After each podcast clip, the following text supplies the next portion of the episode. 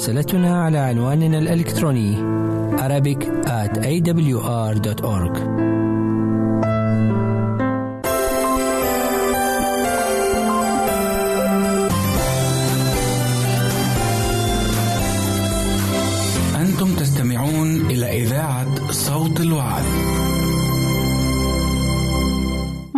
بكم مستمعينا الكرام في حلقة جديدة من مجلتكم الأسبوعية الصحية أضواء على الصحة. راجينا أن تقضوا برفقتنا أوقاتا مفيدة وممتعة.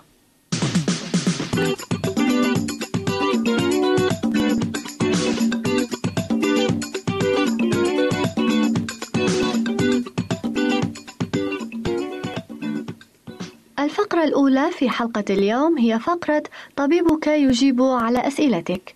وسنبدأ مع السؤال الأول الذي وصلنا من مستمع كريم يقول فيه أيهما أكثر ضررا التدخين أم شرب المسكرات؟ من الصعب الإجابة على سؤالك هذا ليس بسبب قلة المعلومات ولكن لأن تأثير تعاطي كل منهما مختلف إلا أن الشيء المشترك في الاثنين هو تقصير العمر فالتدخين يقصر العمر عن طريق زيادة حساسية المدخن وتعرضه للكثير من الأمراض خصوصا أمراض القلب ولا سيما الشريان التاجي والسرطان وخاصة سرطان الرئة بينما احتساء الخمور يقصر العمر عن طريق زيادة التعرض للحوادث والإصابة بأمراض الكبد وانحلال تدريجي في خلايا عضلة القلب وإتلاف الدماغ وأجزاء أخرى من الجهاز العصبي. السؤال الثاني وصلنا من مستمعة تسأل فيه عن توسع الأوردة أي الدوالي وتقول ماذا يستطيع الشخص عمله بالنسبة لتوسع الأوردة الدوالي؟ وقد أجاب الطبيب المختص قائلا السبب الرئيسي لتوسع الأوردة هو التمدد الحاصل في الصمامات الصغيرة داخلها بحيث لا تكون قادرة على منع الدم من المرور في الاتجاه العكسي وأوردة القدمين هي التي تتأثر كثيرا لأن ثقل عمود الدم عندما يكون الشخص واقفا يكون كبيرا بحيث يتسبب في تمدد الأوردة. أما الخطوات المتبعة في حالة الإصابة بالدوالي فهي أولا يجب تجنب الوقوف في نفس الوضع لفترات طويلة من الزمن. وإذا كان عملك يتطلب الوقوف طويلا خذي وقتا كل ساعتين على الأقل لتنامي على ظهرك لدقائق قليلة وأريحي قدميك واجعليهما في مستوى أعلى قليلا من جسمك وهذا يساعد على تفريغ أوردة القدمين ثانيا اتبعي برنامج رياضي منتظم يوميا بحيث تستخدم عضلات القدمين بشكل عنيف وإذا تم الانقباض في عضلات القدمين يتيح ذلك الضغط على الأوردة ودفع الدم بقوة عائدا إلى القلب. ثالثا إذا كان تمدد الأوردة كبيرا بحيث يبدو منظرهم قبيحا وبارزا على طبقة الجلد استعملي جوربا مطاطيا لبقاء ضغط الأوردة ويمنع هذا الدم من الركود في الأوردة مع الاستمرار في تطبيق النصيحتين الأولى والثانية. وإذا ساء الوضع بشكل كبير وخصوصا عند تشقق الجلد فوق الأوردة البارزة فراجعي طبيبك واتبعي نصيحته للمعالجة والتي قد تشمل جراحة بسيطة. الفقرة الثانية من مجلتكم أضواء على الصحة هي بعنوان أمراض تتولد في رؤوسنا فما هي يا ترى هذه الأمراض؟ من السهل التأكد من تأثير الانفعالات على سلوكنا الجسدي فإذا ما أحسسنا بضيق مثلا يميل لوننا إلى الإحمرار أو نتثاءب وإذا ما أحسسنا بقلق تأخذ قلوبنا في الخفقان نرى في هذه المظاهر الفيزيولوجية أمرا طبيعيا جدا ومع ذلك فهي تشكل الخطوة الأولى نحو المرض الجسمي الذي نرفض أن نصدقه في أغلب الأحيان. ولكن كيف ولماذا يمكن أن تحدث الصدمات والأحزان؟ الأمراض ذات الطابع الفيزيولوجي. لقد بدأ الباحثون الذين يهتمون بهذه الظاهرة ينظرون إليها بشكل أوضح. فبداية المرض النفسي الجسدي هو ما يسمونه الإجهاد أي الستريس وهو نوع من الاعتداء العنيف على الدماغ ناشئ عن أسباب متنوعة. حزن الحب الهم المهني فقدان عزيز غالي والواقع أن الإجهاد يتألف من ألف كارثة وكارثة كما يقول علماء النفس سواء كانت هذه الكوارث طفيفة أو كبيرة وهي تبدأ من المترو الذي نخطئ الوصول إليه في الموعد المحدد إلى الهاتف الذي يستمر مشغولا. والإجهاد كما يقول بعض علماء النفس هو الحياة بعينها. وبحسب الأبحاث الحديثة جدا التي قام بها البيولوجيون والاختصاصيون في علم المناعة فإن هذا الإجهاد لا يطال خلايا الدماغ فحسب بل يتجاوزها أيضا إلى نظام الدفاع في الجسم. وهكذا فإن الانفعالات يمكن أن تحدث في أجسامنا ردود فعل متلاحقة. ولكن كيف تحصل ردود الفعل هذه؟ الأبحاث حول هذه النقطة ما زالت جزئية غير أنه يبدو أن الإجهاد يحدث في الدماغ ردة فعل هرمونية وتبلغ هذه الرسالة كريات الدم البيضاء حيث يمكن أن تكون ردة الفعل ذات طبيعتين ففي إحدى الحالتين تبدو معطلة وتتوقف خلال فترة عن الدفاع عن الجسم ضد الاعتداءات الخارجية من جراثيم وفيروسات وإلى آخره. ولكن الكريات البيضاء يمكن أن تتغير وجهتها أيضا بفعل الرسالة ولا تميز عدوها إذا جاز التعبير بدلا عن أن تواجه المعتدين تنقض على الجسم نفسه ويمكن لهذه الآلية أن تكون نقطة الانطلاق لاضطرابات تحسسية صعبة التفسير مثل أزمات الشري أو أزمات الربو. ثمة اختبارات مثيرة أوضحت هذه العلاقة بين الدماغ ونظام المناعة في الجسم. تخيل إجبار جردان على تناول المياه المحلاة. وفي الوقت عينه وكلما كانت هذه الجرذان تشرب هذا الماء كان يتم حقنها بمادة تخفض من مناعتها. وبعد بضعة أسابيع عاود الباحثون تغذية الجرذان بالماء المحلات. عندها استنتج أن دفاعات المناعة لدى الحيوانات كانت في كل جلسة تنخفض من تلقائها. وبمعنى آخر أنها كانت تخضع لرد فعل بحت لرسالة هرمونية من الدماغ تكيفا مع الماء المحلات. هذا الاختبار يبدو أنه يؤكد آليات الأدوية البديلة وهي الأدوية المزورة التي يتناولها المريض اعتقادا منه بفعاليتها. ألا يمكننا الاعتقاد في هذه الحال بأن الدماغ يوجه هنا أيضا رسالة من شأنها أن تحض دفاعات الجسم؟ وبحسب الإحصاءات فإن الأمراض النفسية الجسدية تصيب شريحة كبيرة من الناس ويمكن القول أن المرضى الذين يستشيرون الأطباء في حالات تعرضهم لاضطرابات ذات منشأ نفسي تتراوح نسبتهم بين واحد إلى اثنين ولعل العضو الأول الذي يتعرض لهذه البلبلة هو الجهاز الهضمي. وهذا الأمر يتراوح بين المظاهر الخفيفة كالتقيؤ والاضطرابات الخطيرة كالقرحة. وإذا كان الجهاز الهضمي هو الأكثر تعرضًا في مجتمعاتنا، فإن الجسم كله يمكنه أن يتأثر بالإجهاد، وإذا كان هذا الأخير لا يسبب الأمراض، فإنه يشجعها، ويخلق أرضية مؤاتية لها، ويبدو على سبيل المثال أن بعض الجوانب النفسية تمثل عنصرًا يزيد من خطورة اضطرابات القلب والشرايين ولا سيما ارتفاع ضغط الدم، فالمصاب بارتفاع ضغط الدم هو كائن قلق بنسبة كبيرة ومثالي إلى أقصى حد ذو طباع حادة. وثمة مشاكل أقل خطورة ولكنها مؤلمة كتلك التي تصيب العضلات كآلام الظهر والتشنجات. يمكن أن تكون أيضا مظاهر نفسية جسدية. وهذه هي أيضا حال العديد من أنواع الصداع التي تتأتى من حالات الغضب الشديد. ونورد هنا أيضا اضطرابات الجلد كالأكزيما والصدف التي تترجم أحيانا كحالة انهيارية. ويمكننا أن نتكلم أيضا عن ظواهر البدانة أو حالات عصبية. ولكن هل يمكننا في أعقاب كل هذه الاستنتاجات والافتراضات تجنب كل أنواع الأمراض؟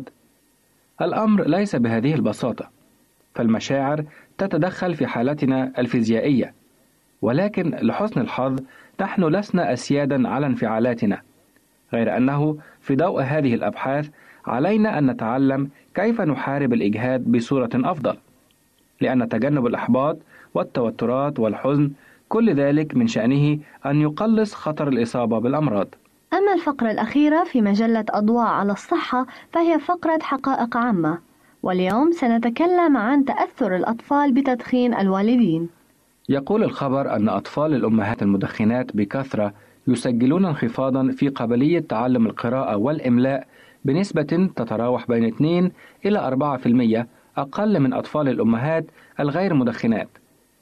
كما تبين الدراسات أيضا أن أطفال الأمهات الغير مدخنات يكونون أكثر نشاطا من أطفال الأمهات المدخنات.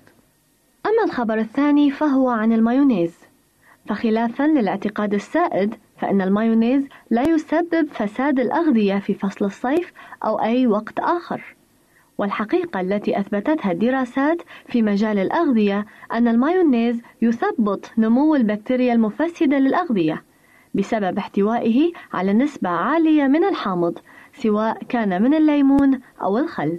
أما السبب وراء تلف أنواع مختلفة من السلطات وبسرعة في الجو الحار فهو نتيجة وجود البطاطس والبيض والدجاج واللحم. والسبب في ذلك أن نسبة الحوامض فيها قليلة لذلك تجهز بيئة مناسبة لنمو البكتيريا المسببة لفساد الأغذية. إلى هنا أيها المستمعين الأفاضل نأتي إلى نهاية حلقة اليوم من المجلة الصحية أضواء على الصحة. كان بصحبتكم كل من رغدة سليم وسامي سعيد. إلى اللقاء. أنت تستمع إلى إذاعة صوت الوعد.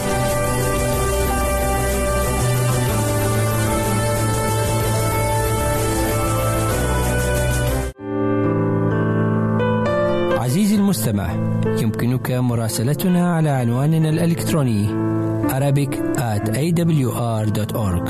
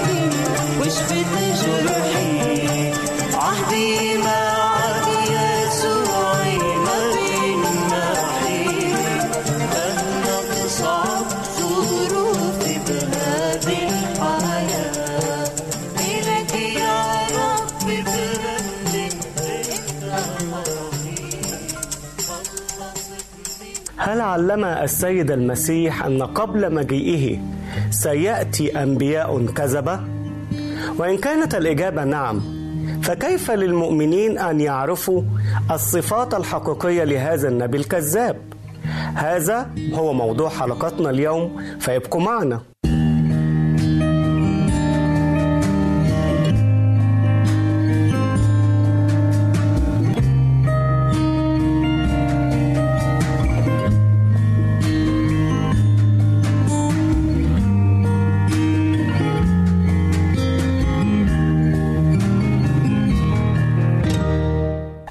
وسهلا بكم أحبائي المستمعين.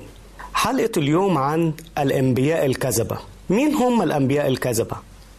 وإيه اللي قاله السيد المسيح عنهم؟ إيه صفاتهم؟ وإزاي نحترز منهم؟ هذا هو موضوع اليوم. في البداية عايزين نعرف سيد المسيح قال إن في أنبياء كذبة؟ تاكيد. ده اللي هنقراه في إنجيل متى 7 من 15 إلى 20. يقول السيد المسيح: احترزوا من الأنبياء الكذبة الذين يأتونكم بثياب الحملان ولكنهم من داخل ذئاب خاطفة. من ثمارهم تعرفونهم؟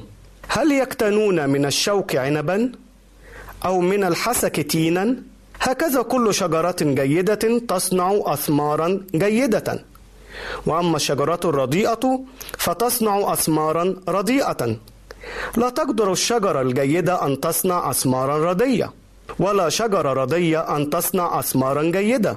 كل شجرة لا تصنع ثمرا جيدا تقطع وتلقى في النار فإذا من ثمارهم تعرفونهم. وكان تحذير السيد المسيح للتلاميذ ولينا أن بعد صعوده إلى السماء سيأتي أنبياء كذبة وبيسميهم هنا إن هم هيجوا في ثياب الحملان.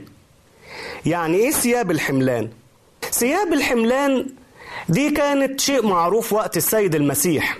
كان لبس الرعاة لأنهم بيضطروا يظهروا ويشتغلوا كتير في البراري وفي الصحراء ويروحوا يرعوا الغنم ويناموا كتير بره أماكنهم إن هم يلبسوا أشياء تقيلة. فكان لبسهم عبارة عن جلود الأغنام. فجلود الأغنام كانوا ياخدوها يخلوا الصوف من جوه والجلد من بره وده كان لبس أي راعي بيشتغل في الرعي عشان هو محتاج إلى هذا النوع من الملابس. لكن للأسف إن كان أيضا أي إنسان يقدر يلبس مثل هذا النوع من الملابس. فكان من الصعب جدا جدا إن أنت تميز. هل الإنسان ده اللي لابس ثياب الحمل ده هل هو راعي ولا مجرد إن هو بيلبس هذا اللبس؟ وهنا التشبيه ثياب الحملان إن هو بيبان نفسه إن هو راعي ولكن في الحقيقة هو مش راعي ممكن يكون حرامي. ممكن يكون لص بس انت تفتكره ان هو إيه؟ راعي غنم فديله الأمان وتديله الاطمئنان ويبقى عندك سلام من ناحيته لأنه لابس ثياب الحملان لابس لبس الرعاة. لكن في الحقيقة هو لا يستحق هذا لأنه هو من الداخل ذئب جاي عشان يهلك الحملان. ده معناها كلمة راعي أو معناها ثياب الحملان.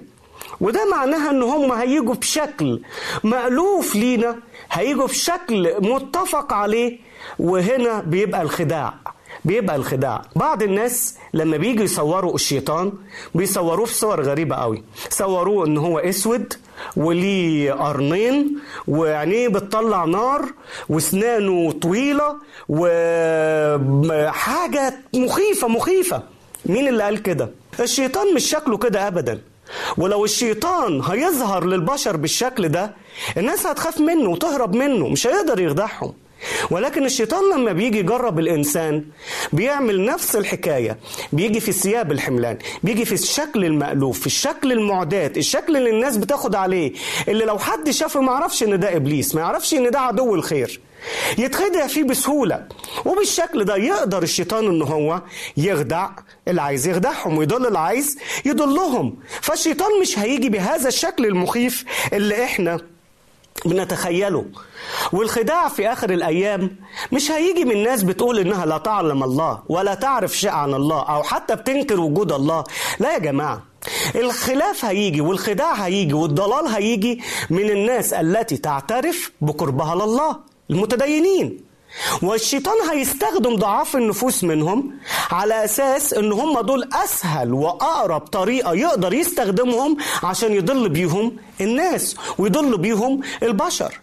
وللأسف الشديد كم من الجرائم ترتجب باسم الدين.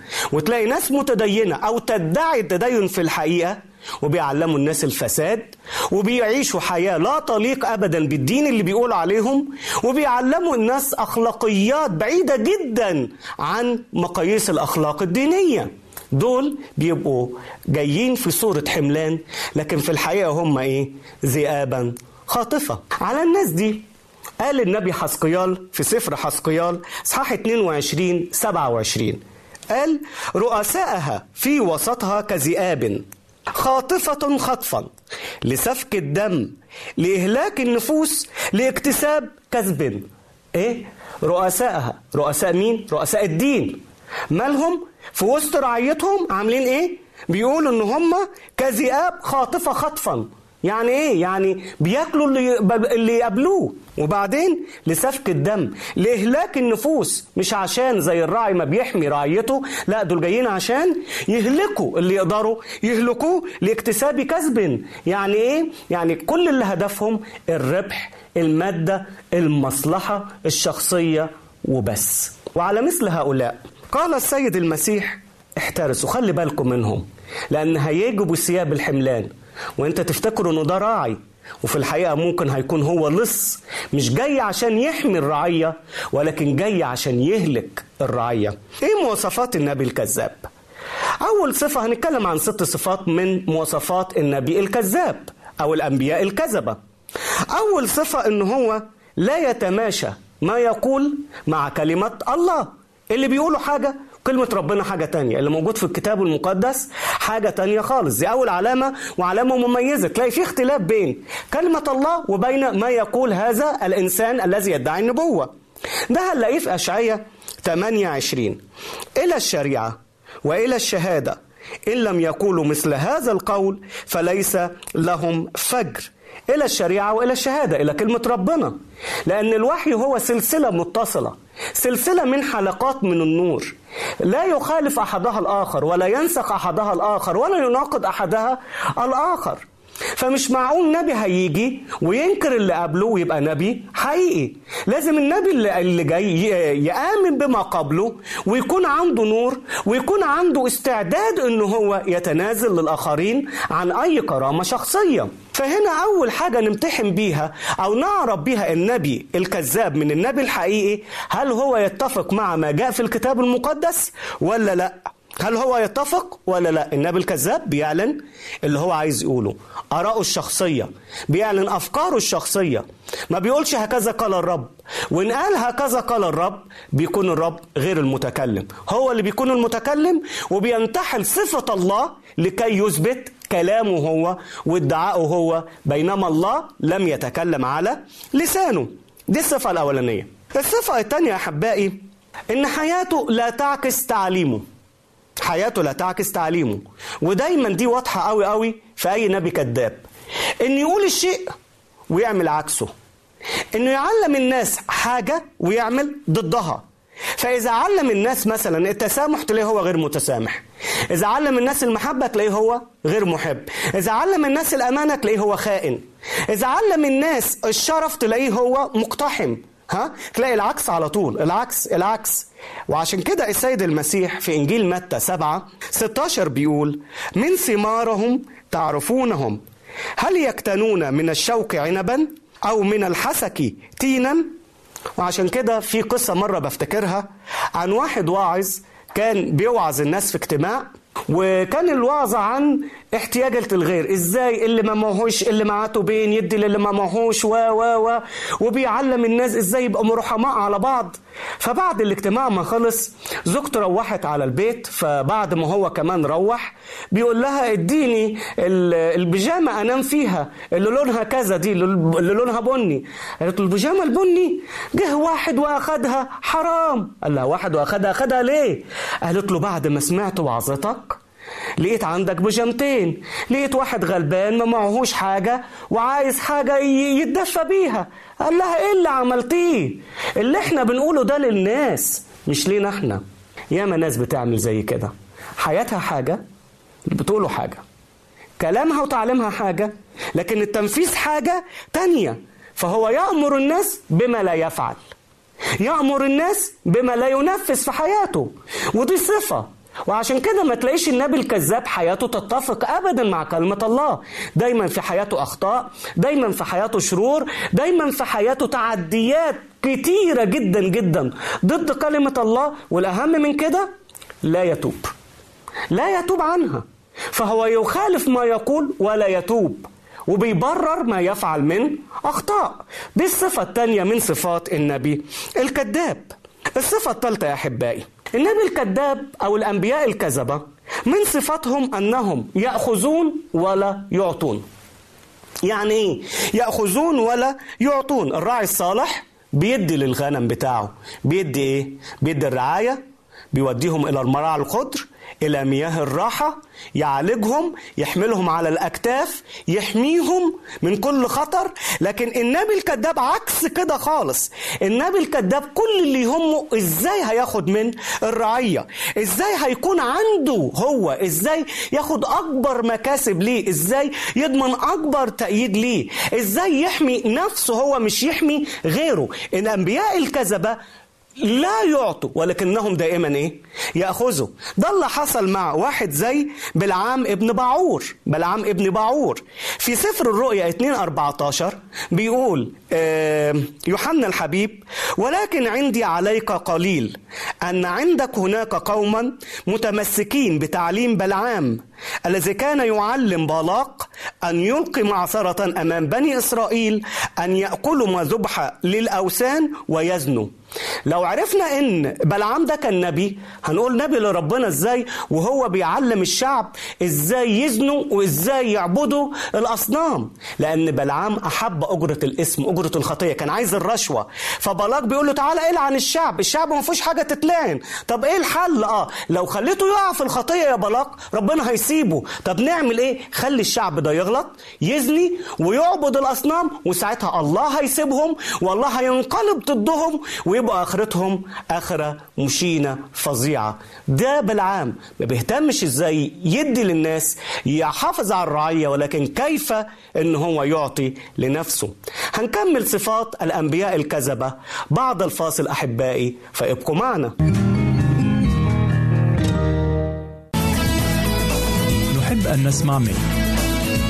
راسلنا على البريد الإلكتروني Arabic at awr.org ننتظر رسائلكم واستفساراتكم.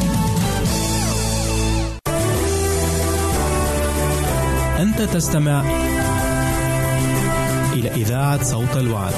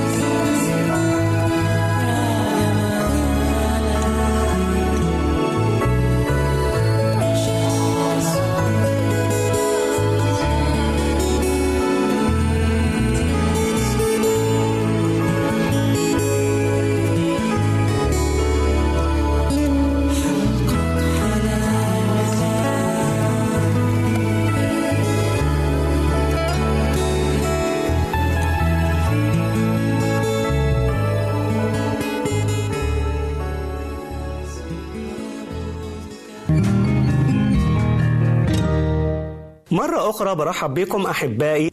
قبل الفاصل اتكلمنا عن آه، صفات النبي الكذاب. هنكمل هذه الصفات. إزاي هنعرف إن هذا الإنسان نبي كذاب أو غير كذاب؟ الصفة الرابعة أحبائي من صفات الأنبياء الكذبة إن ما يقولوا لا يحدث. ما يقولوا لا يحدث. يعني بيتنبأوا بنبوءات كاذبة. يقول لك هيحصل كذا وما يحصلش. هيحصل كذا كذا وما يحصلش ها؟ وإذا حصل حاجة ما تحصلش التانية. لكن النبي الحقيقي عكس كده. النبي الحقيقي اللي يقوله يحصل وما فيش واحد في المية من اللي بيقوله ينزل أو لا يحدث. ليه؟ لأنه مش هو المتكلم ده الله هو اللي بيتكلم عن لسانه. ونجد الحقيقة دي في سفر التثنية 18 من 20 إلى 22 بيقول الرب وأما النبي الذي يضغي فيتكلم باسمي كلاما لم أوصه أن يتكلم به. أو الذي يتكلم باسم آلهة أخرى. فيموت ذلك النبي.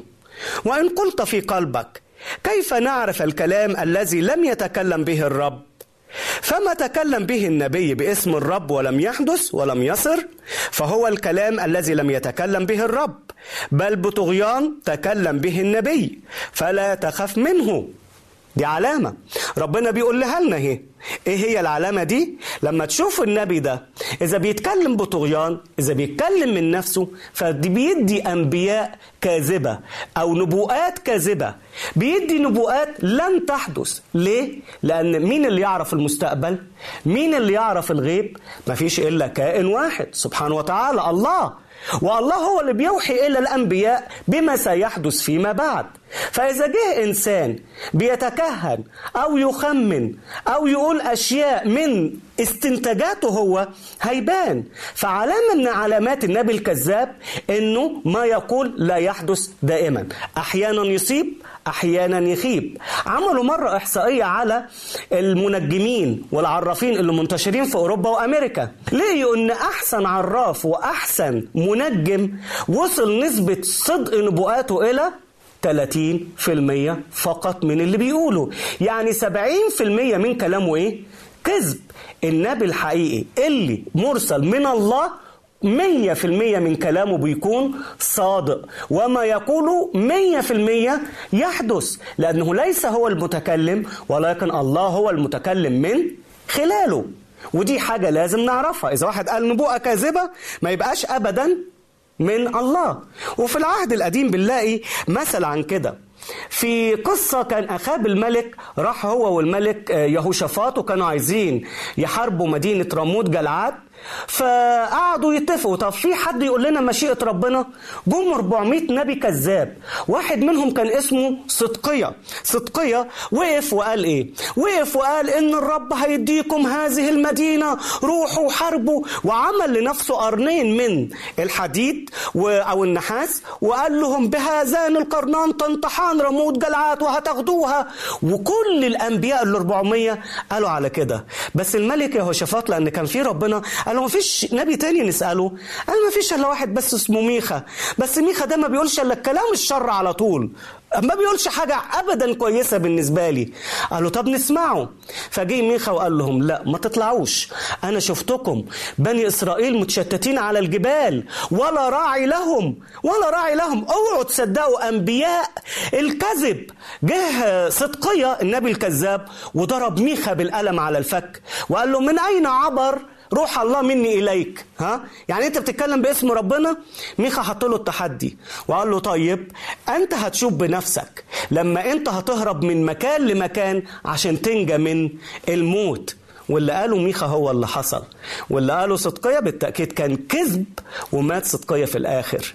هذا هو النبي أو الأنبياء الكذبة اللي بيقولوه ما بيحصلش. وإن, وإن حدث بيكون حدوث نسبي وليس حدوث كلي. طيب الحاجة الخامسة. يقول ما يوافق مشيئة الناس وليس مشيئة الله. إزاي مشيئة الناس؟ زي المثل اللي قلناه قبل كده إن صدقية عمل نفس الحكاية مع أخاب. أخاب عايز يروح يحارب. فعايز الأنبياء يجوا يقولوا له إيه؟ اطلع هتنتصر. بدل ما يسألوا ربنا يطلع ولا ما يطلعش. يحارب أو لأ؟ لا لا لا لا. هو صدقية عارف. الملك عايز يطلع يحارب. يبقى نقول له اطلع. حارب. شوفوا عمل إيه. وعمل صدقية ابن كنعتة لنفسه قرني حديد وقال هكذا قال الرب بهذه تنطح الآراميين حتى يفنوا. وتنبأ جميع الأنبياء هكذا قائلين اصعد إلى راموت جلعاد وافلح فيدفعها الرب ليد الملك. هنا دول أنبياء كذبة. ليدفعها الرب. ليه بيقولوا كده؟ عشان في الآخر الملك أخاب يديهم إيه؟ رشوة يديهم فلوس يقول لهم آه أنتوا كده بالصح ويبقى قلبه مطمن. طيب وبعد كده كان في في نفس وقت ارميا أنبياء كذبه أيضا. والأنبياء الكذبة دول في أورشليم كانوا وقت ارميا فارميا قال لهم خد إعلام من ربنا ما تقاوموش ملك بابل. نبوخذ نصر هيجي ما تقاوموهوش لأن الرب حكم على المدينة بالهلاك حكم على أورشليم بالهلاك. استسلموا ليه؟ لكن كل القادة وكل الأنبياء قالوا إيه اللي بتقوله؟ مش ممكن ده أنت خائن للوطن. طب دي رسالة من ربنا. فنشوف عملوا إيه. في ارميا 23 16 و17 هكذا قال رب الجنود لا تسمعوا لكلام الأنبياء الذين يتنبؤون لكم فأنهم يجعلونكم باطلا يتكلمون برؤيا قلبهم لا عن فم الرب قائلين قولا لمحتقرية. قال الرب يقول لكم سلام ويقولون لكل من يسير في عناد قلبه لا يأتي عليكم شر. وده هنا بنلاقي الاختلاف. كمان النبي الكذاب دايما بيحاول يرضي الناس. لو واحد غلط لا ده انت كويس. في حد زيك في حد بيعمل زيك انت كده تمام. لا في كل حاجة تمام معاك. سلام ربنا قال أمان. وما يوبخش الناس على الشرور. ليه؟ لأن هو نفسه شرير. فهيوبخ الناس إزاي؟ آخر صفة من صفات النبي الكذاب هي إيه؟ لا يعترف أن السيد المسيح قد جاء في الجسد. لا يعترف إن السيد المسيح قد جاء في الجسد وبيدس بدع وأضاليل للناس. ودي هنلاقيها في بطرس الثانية اتنين واحد. بيقول ولكن كان أيضا في الشعب أنبياء كذبة. كما سيكون فيكم أيضا معلمون كذبة. الذين يدسون بدع هلاك وإذ هم ينكرون الرب الذي اشتراهم يجلبون على أنفسهم هلاكا سريعا. بيقول عليهم إيه؟ إن هم ينكرون الرب الذي اشتراهم. بينكروه. إزاي؟ إزاي دي بيوضحها؟ آه، يوحنا في رسالة يوحنا الأولى أربعة اتنين وتلاتة. بيقول بهذا تعرفون روح الله؟ كل روح يعترف بيسوع المسيح أنه قد جاء في الجسد فهو من الله. وكل روح لا يعترف بيسوع المسيح أنه قد جاء في الجسد فليس من الله. وهذا هو روح ضد المسيح الذي سمعتم أنه يأتي والآن هو في العالم. اذا السيد المسيح هو محور رسالة الأنبياء. وعشان كده في أعمال الرسل 10 43 بيقول الكتاب له يشهد جميع الأنبياء أن كل من يؤمن به ينال باسمه غفران الخطايا. سيد المسيح هو محور كل الأنبياء. من أول سفر التكوين إلى نهاية الرؤية سيد المسيح هو محور كتابات الأنبياء. ويجي هنا السؤال أخيراً. إزاي نقدر نميز؟ ما إحنا ممكن نتخدع بسهولة. أنا شايف اللي قدامي لابس ثياب الحملان. بس ما أعرفش إذا كان راعي أو غير راعي. الإجابة ببساطة إن في في الكتاب بيدينا هذه التعليمات. أول حاجة في تسالونيك الأولى 5 21 بولس الرسول بيقول لنا إيه؟ امتحنوا كل شيء. تمسكوا بالحسن ما ترفضش. بس امتحن. يعني إيه امتحن؟ افتح كده الكتاب المقدس واقرأ. شوف هل الإنسان ده بينطبق عليه صفات النبي الحقيقي ولا لأ؟ هل التعليم اللي بيتقال ده يتفق مع الكتاب المقدس ولا لأ؟ هل الإنسان ده بيتكلم بزيغان قلبه ولا بيتكلم بهكذا قال؟ الرب لازم تعرف لازم تمتحن. وبعد ما تمتحن تمسك بالحسن. نفس المعنى قاله يوحنا في يوحنا الأولى أربعة واحد. أيها الأحباء لا تصدقوا كل روح بل امتحنوا الأرواح. هل هي من الله؟ لأن أنبياء كذب كثيرين قد خرجوا إلى العالم. أنبياء كذبة كثيرين. بس امتحنوا قبلها الإيه؟ الأرواح. امتحنوا. هل اللي بيقوله الشخص ده من الله أو لا؟ قيس بالكتاب المقدس. في إيه تاني؟ بولس الرسول في تسالونيكي الثانية 2 15 بيقول فاثبتوا اذا أيها الإخوة وتمسكوا بالتعليم التي تعلمتموها سواء كان بالكلام أم برسالتنا. دي حاجة تانية مهمة. إيه هي؟ إن إحنا يكون عندنا تمسك بكلمة الله. كل ما الإنسان عنده التصاق بكلمة الله كل ما كان عنده حصانة إن هو يقدر يميز بين الغش وبين الحقيقي بين الباطل وبين الغير باطل. نقدر نميز بين النبي الحقيقي والنبي الكذاب. نقدر نميز ليه؟ لأن إحنا بنقرأ التعليمات اللي ربنا بعتها لنا في كلمته المقدسة. لكن الإنسان اللي ما يقدرش يقرأ الكتاب المقدس إزاي هيقدر يميز؟ هيعرف منين الصح من الغلط؟ بالتأكيد مش هيعرف. ليه؟ لأنه هو ما عندوش أساسا المقياس اللي يقدر من خلاله إن هو يفهم الصح من الغلط اللي هو يوضح له الطريق. ما أحوجنا إن إحنا نيجي لكلمة ربنا ونتعلم منها كل يوم بإتضاع ونتعلم منها إن ربنا يحمينا من كل ضلال في هذا العالم. أحبائي إن إبليس الرجيم يعمل بكل قوته يعمل لكي يضل ولو أمكن المختارين أيضا يعمل بكل خديعة وبكل خديعة الاسم في الهالكين. إنه يعمل لأنه يعلم جيدا أن له سامانا قليلا ثم بعد ذلك تأتي دينونته ويفنى مع الفانين في في بحيرة النار. ولكن ماذا عننا نحن؟ لقد أعطانا الله كلمته لكي ترشدنا لكي تعلمنا فهي التي تضيء لنا الطريق وهي التي تعلمنا ماذا ينبغي أن نفعل. وكيف لا نخدع من إبليس الرجيم؟ فهل نأتي إلى كلمة الله؟ ونطلب من الله أن يفتح عيوننا وقلوبنا لكي نفهمها لكي تحمينا من كل ضلال العدو. ليت الله يساعدنا أن نكون مستعدين وأن لا ننخدع في تجارب وضلالات الشيطان الرجيم. وإن كنت تريد أن يحميك الله من هذه الضلالات فصل معي هذه الصلاة. إلهنا القدوس بنشكرك لأنك أرسلت لنا كلمتك المقدسة لكي ترشدنا وتعلمنا لكي يا إلهي تحمينا من كل شر ومن كل خديعة الإسم ومن كل زيغان وراء العدو. احمينا يا رب من كل ضلال. أقف معنا من فضلك. ساعدنا دائما وأعنا دائما يا ربي إن إحنا لا نضل ورا الشيطان. أعن كل نفس موجودة الآن يا ربي. لنكون مخلصين لك ومخلصين لكلامك ونكون مستعدين عندما تأتي على السحاب. أشكرك يا ربي لأنك دائما تسمعنا وتستجيب. في اسم مخلصنا وفدينا سيدنا يسوع المسيح ولك منا كل الإكرام والمجد. آمين. سعدت أحبائي بوجودي معكم على أمل اللقاء مرة أخرى. سلام الرب معكم وإلى اللقاء.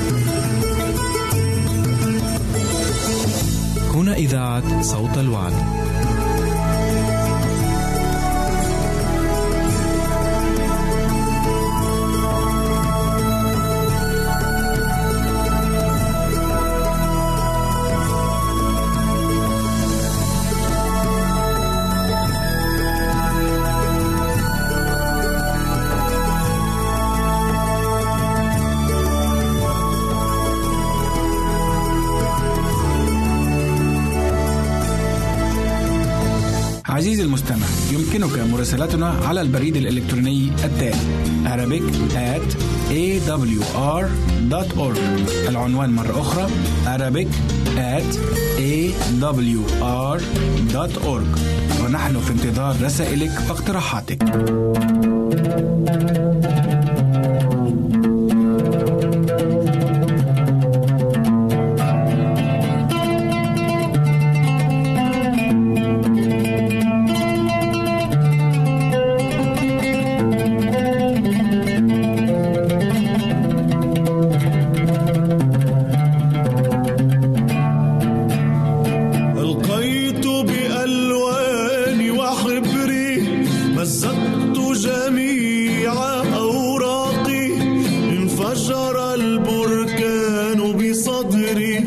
واجتمع الغيم بآفاقي.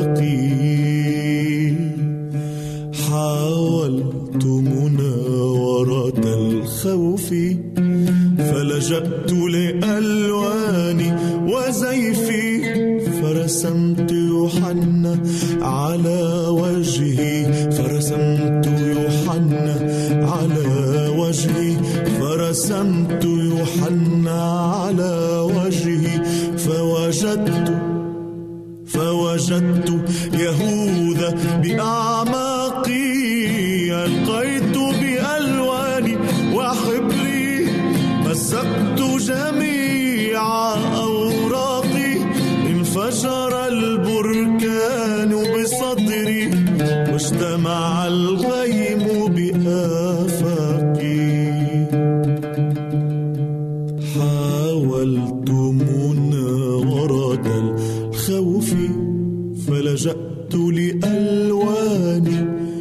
سيفي فرسمت يوحنا على وجهي فرسمت يوحنا على وجهي فرسمت يوحنا على وجهي فوجدت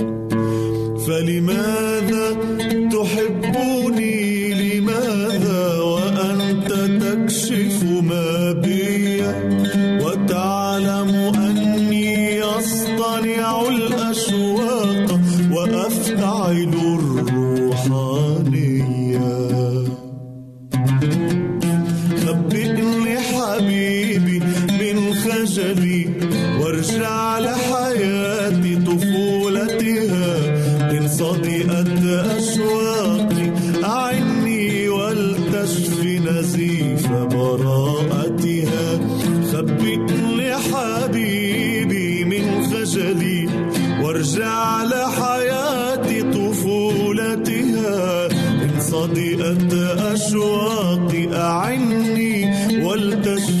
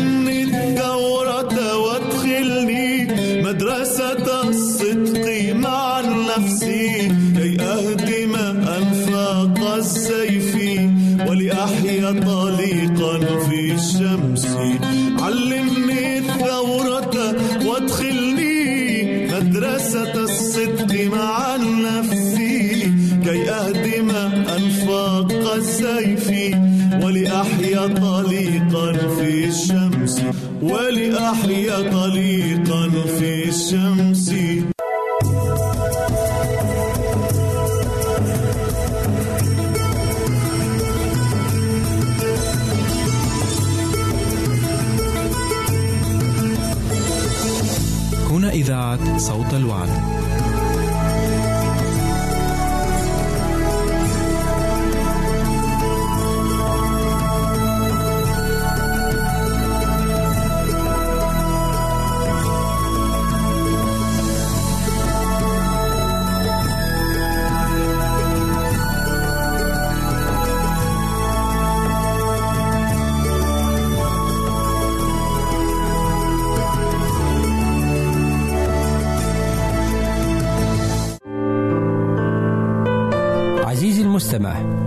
يمكنك مراسلتنا على عنواننا الإلكتروني Arabic at awr.org